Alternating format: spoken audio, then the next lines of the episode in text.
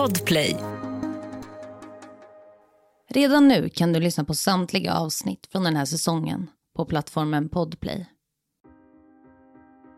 Irland, 1996. En fransk kvinna hittas brutalt mördad utanför sitt hus.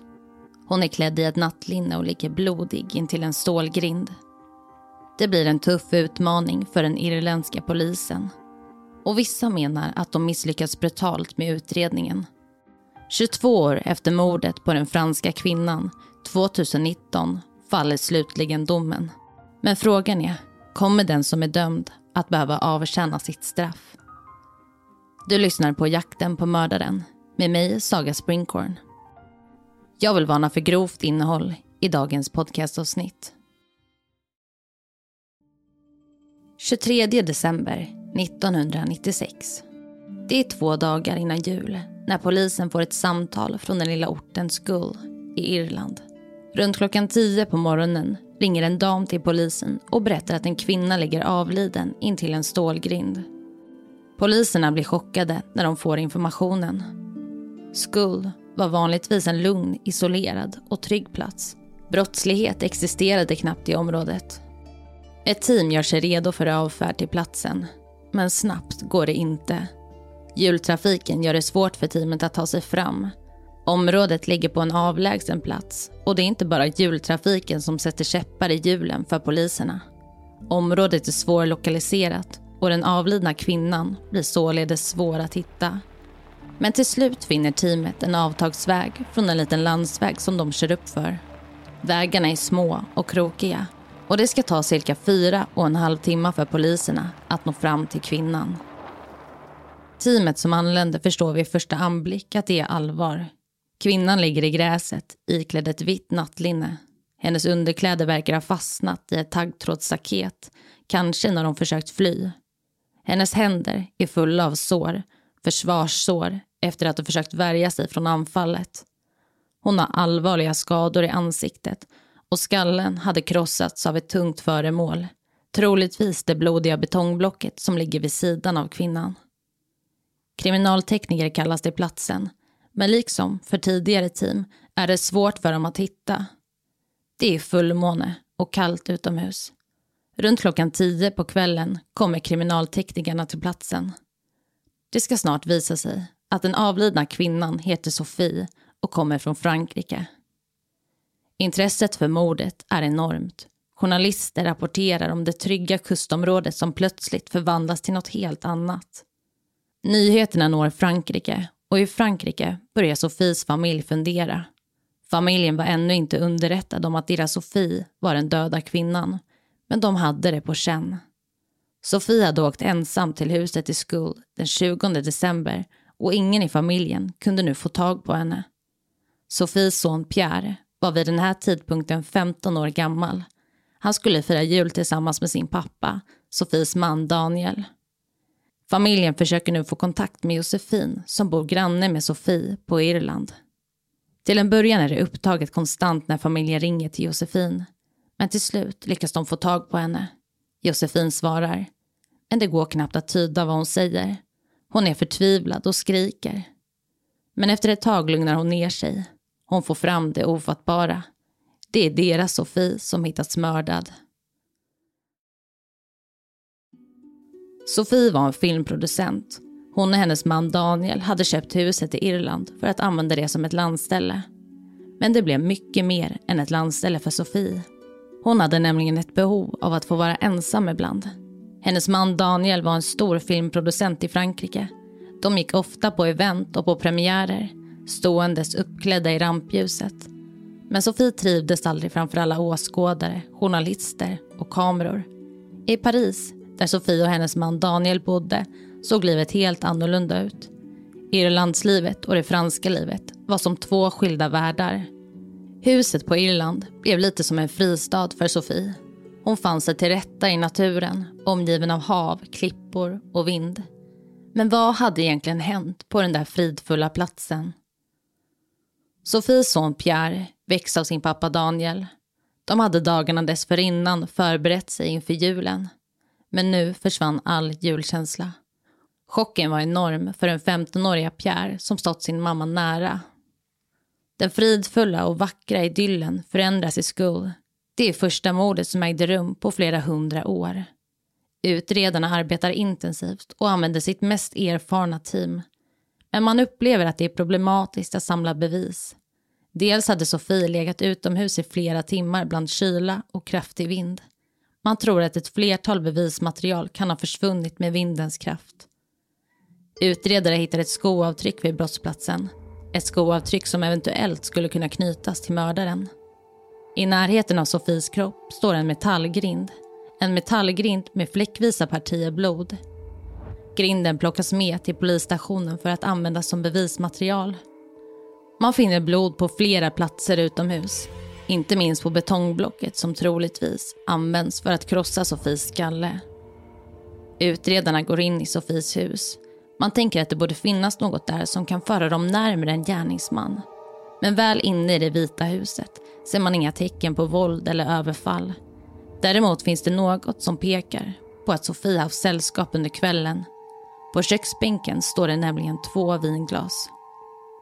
I ytterdörren sitter nycklarna i låset på insidan. Hade Sofie gått ut utan sina nycklar?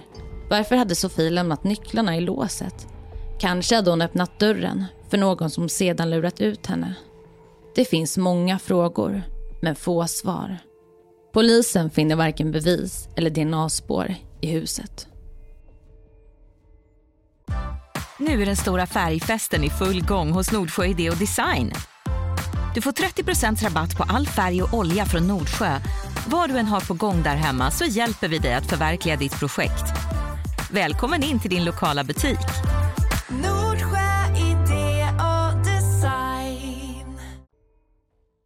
DNA-tekniken under 90-talet är långt ifrån hur den fungerar idag. På 90-talet behövdes det ungefär en tesked blod för att kunna få fram en DNA-profil. Och idag behövs det ungefär en blodfläck på cirka 2 gånger 2 millimeter.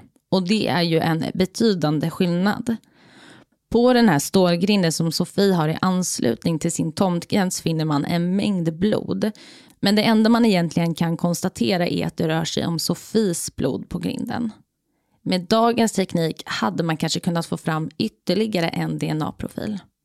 Flera utredare inom polisen, eller Garda som polisen också kan kallas på Irland, mår väldigt dåligt under den här utredningen. Det är som sagt ett ovanligt brott i området och hela samhället påverkas enormt. Sofie åkte ofta till Irland ensam. Hon gillade att vara för sig själv och fly från livet i Paris. Hon var en intellektuell kvinna som brann för berättandet. En begåvad författare. Sofie var en konstnärssjäl som drogs till det morbida och döden. Hon ville bland annat göra en serie om kroppsvätskor. Vätskor såsom bröstmjölk, sperma, saliv och blod. Ja, och med det sagt så går vi vidare. Ett 50-tal utredare arbetar med fallet.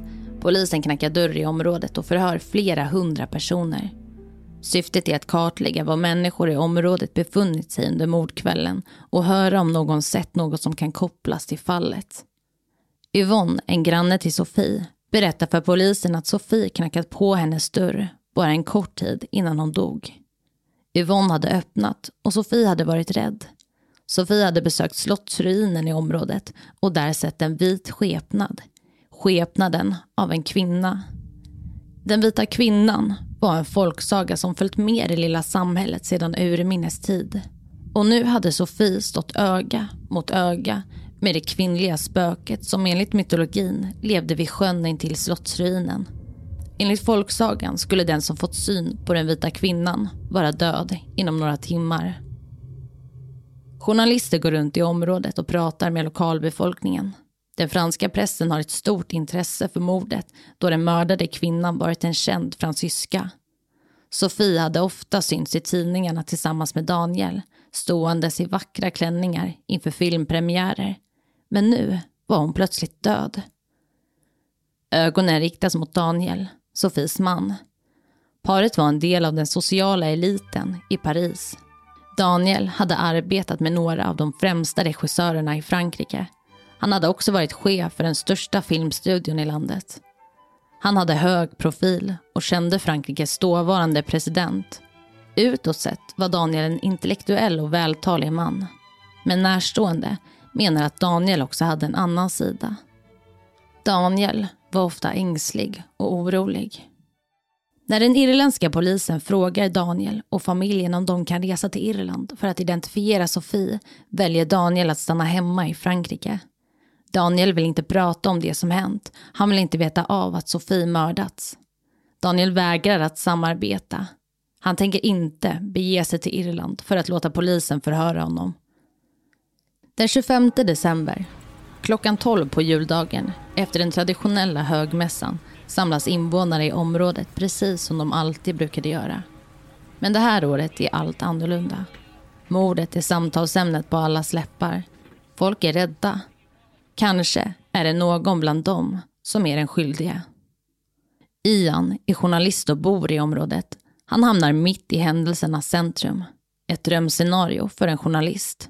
Han skriver till många internationella tidningar om idéer till upplagor, artiklar och reportage med fokus på mordet. Ian arbetar hårt för att dra in pengar. Efter omfattande research får han reda på att Sofie under 1991 haft en älskare vid namn Bruno. Under den här tiden hade Sofie varit gift med Daniel. Men Sofie hade plötsligt ringt till sin man och sagt att hon velat göra slut. Sofie och Bruno åker till huset på Irland. Sofie tror att hon har hittat rätt. Bruno, hennes älskade Bruno. Men när hon väl lärt känna Bruno får hon se andra sidor. Bruno är dominerande och bär på mycket aggression och ilska. Sofie ångrar sig snart. Hon bestämmer sig för att avsluta relationen med Bruno. Men Bruno har svårt att förlika sig med avslutet. Bruno blir arg och besviken. Vid ett tillfälle skickar han ett brev till Sofie ett brev innehållandes en skruv. Bruno agerar hotfullt gentemot Sofie. Men med tiden lugnar han ner sig och Sofie och Daniel blir återigen ett par. Ian skriver om Bruno i tidningarna och polisen nappar. Det finns många frågetecken. Daniel hade inte dykt upp för att identifiera sin fru eller för att hjälpa till i sökandet. Och nu visar det sig att det också funnit en älskare med i bilden. Kan det vara Bruno som vill hämnas? Eller kanske Daniel? Polisen förhör Bruno. Han hade varit på Irland tillsammans med Sofie 1993 och sedan dess hade han inte satt sin fot där. Nu var året 1996 och Bruno hade ett vattentätt alibi. Det visade sig att Bruno befunnit sig i Paris under tiden för mordet. Bruno är således inte längre aktuell för utredningen. Daniel då? Likaså han hade befunnit sig i Frankrike under tiden för mordet. Men kanske hade han lit någon som skulle utföra dådet. Det fanns flera motiv. Om Sofie skulle skilja sig från Daniel skulle han förlora halva tomten och huset på Irland. Dessutom fanns en enorm livsförsäkring på Sofie. Pengar som gick raka vägen till Daniels ficka. Nu är den stora färgfesten i full gång hos Nordsjö Idé och Design. Du får 30% rabatt på all färg och olja från Nordsjö. Vad du än har på gång där hemma så hjälper vi dig att förverkliga ditt projekt.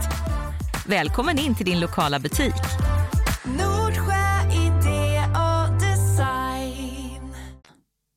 Medierna skriver febrilt om Sofies älskare Bruno och om Daniel. Många rykten spreds om att Sofie bland annat träffade killar när hon var på Irland och att hon hade vilda fester i sitt hus. Prästen skrev mycket som inte stämde. Lokalbefolkningen hade en helt annan uppfattning om Sofie. En lugn och intellektuell kvinna som ofta höll sig för sig själv. Sofies familj tror definitivt inte att det är Daniel som mördat Sofie. De ser på honom att han är helt förkrossad. De tror att han går runt med en ångest. En ångest för att han inte följt med Sofie till huset. Han var liksom resten av familjen chockad och ledsen. Den 27 december, fyra dagar efter mordet, kommer genombrottet i utredningen. Marie Farrell bodde i området och arbetade i en butik i den närliggande staden. Marie berättar att när Sofie en gång besökt butiken hade det stått en man med en svart rock på sig och inspekterat Sofie. När Sofie senare lämnat affären kunde Marie se hur mannen följt efter henne. Marie visste inte vem mannen var, men hon hade på känn att det var något fel. Okej, så den här Marie har sett en okänd man förfölja Sofie. Och det här fallet blir ju väldigt uppmärksammat och det fanns ett tv-program under den här tiden som hette Crimeline. Och det här programmet är ganska likt Efterlyst. Man tar upp uppmärksammade fall och ber allmänheten om tips. Och till det här programmet behövde man en skådespelare som skulle kunna agera Sofie för att göra en rekonstruktion av Sofies sista dagar i livet. När man slutligen hittar den här skådisen som ska spela Sofie så kör man igång ganska direkt med inspelningen. Man spelar in på flygplatsen när Sofie kommer gåendes efter resan från Paris. Skådespelerskan agerar Sofie i butiken, på en bar, i hennes hem och så vidare. Och när man spelar in det här så händer det vid ett tillfälle något som filmteamet reagerar på. När teamet spelar in en del av rekonstruktionen vid havet i närheten av Sofies hem så kommer det plötsligt en man springandes mot dem på fältet. Han har då stövlar på sig och en lång mörk rock. Och den som kommer springandes är journalisten Ian. Han presenterar sig som lokalreporter i området och säger att han vill veta allt som de vet. Filmteamet har ju ganska mycket att stå i som det är så att de ber Ian att gå iväg. Men Ian står kvar ett tag och säger att han har träffat Sofie ett flertal gånger. Ja, filmteamet tyckte att det här var väldigt udda och det ska uppstå fler oklarheter när det kommer till Ian. Om ni vill se bilder från det här fallet så kan ni gå in på min Instagram där jag heter Saga Springhorn och trycka på storybubblan Jakten på mördaren. Vi går vidare. Det är den 11 januari. Polisen får ett samtal. Samtalet kommer från en telefonkiosk och det är en kvinna på andra sidan luren.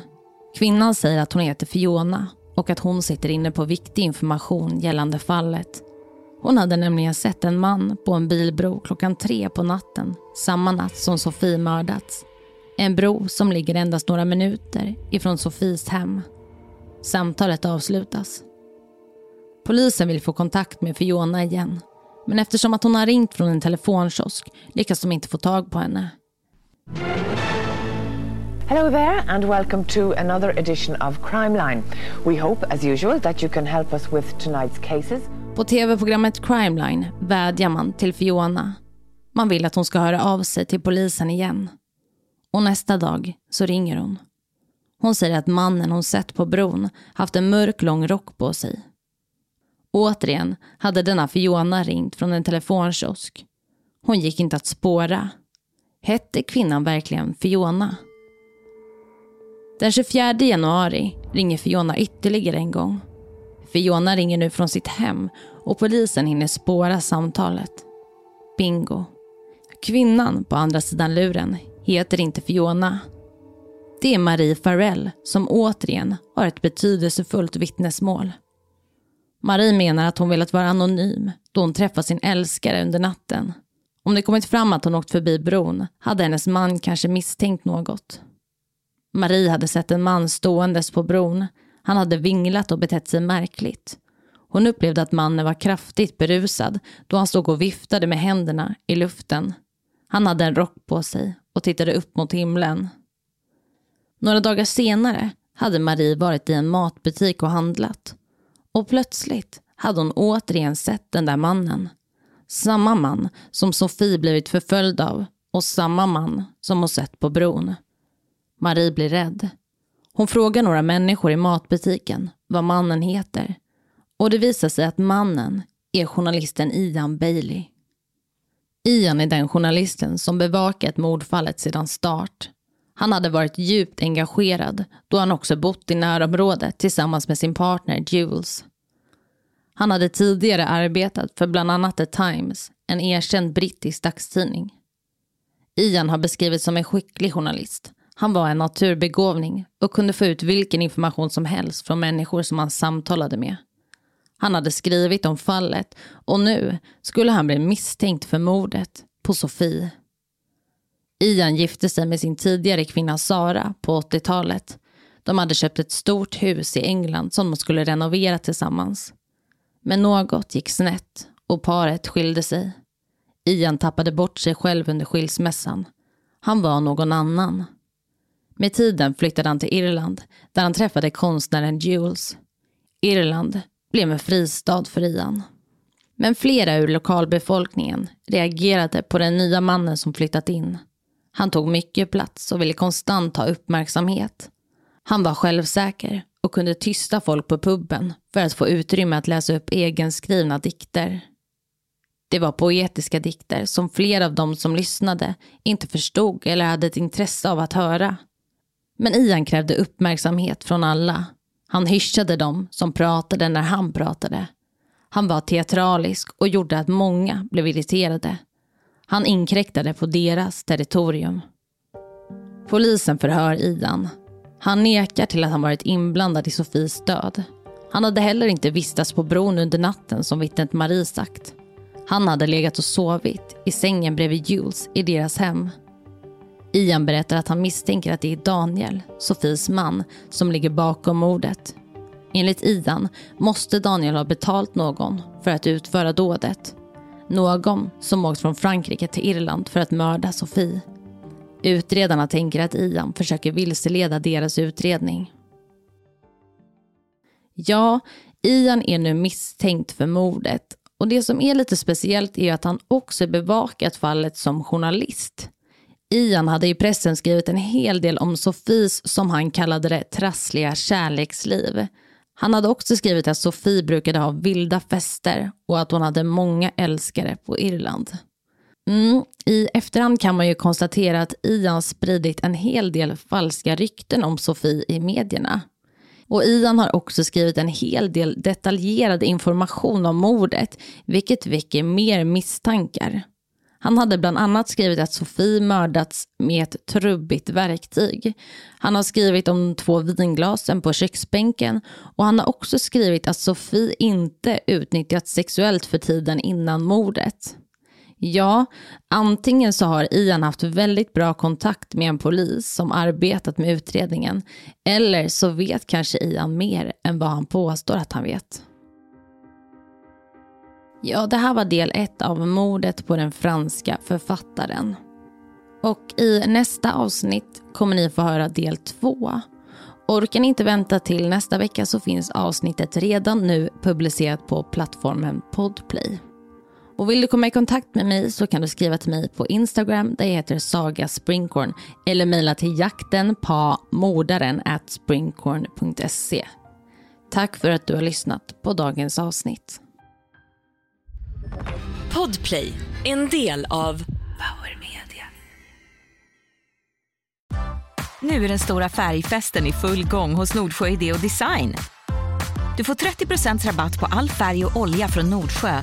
Vad du än har på gång där hemma så hjälper vi dig att förverkliga ditt projekt. Välkommen in till din lokala butik.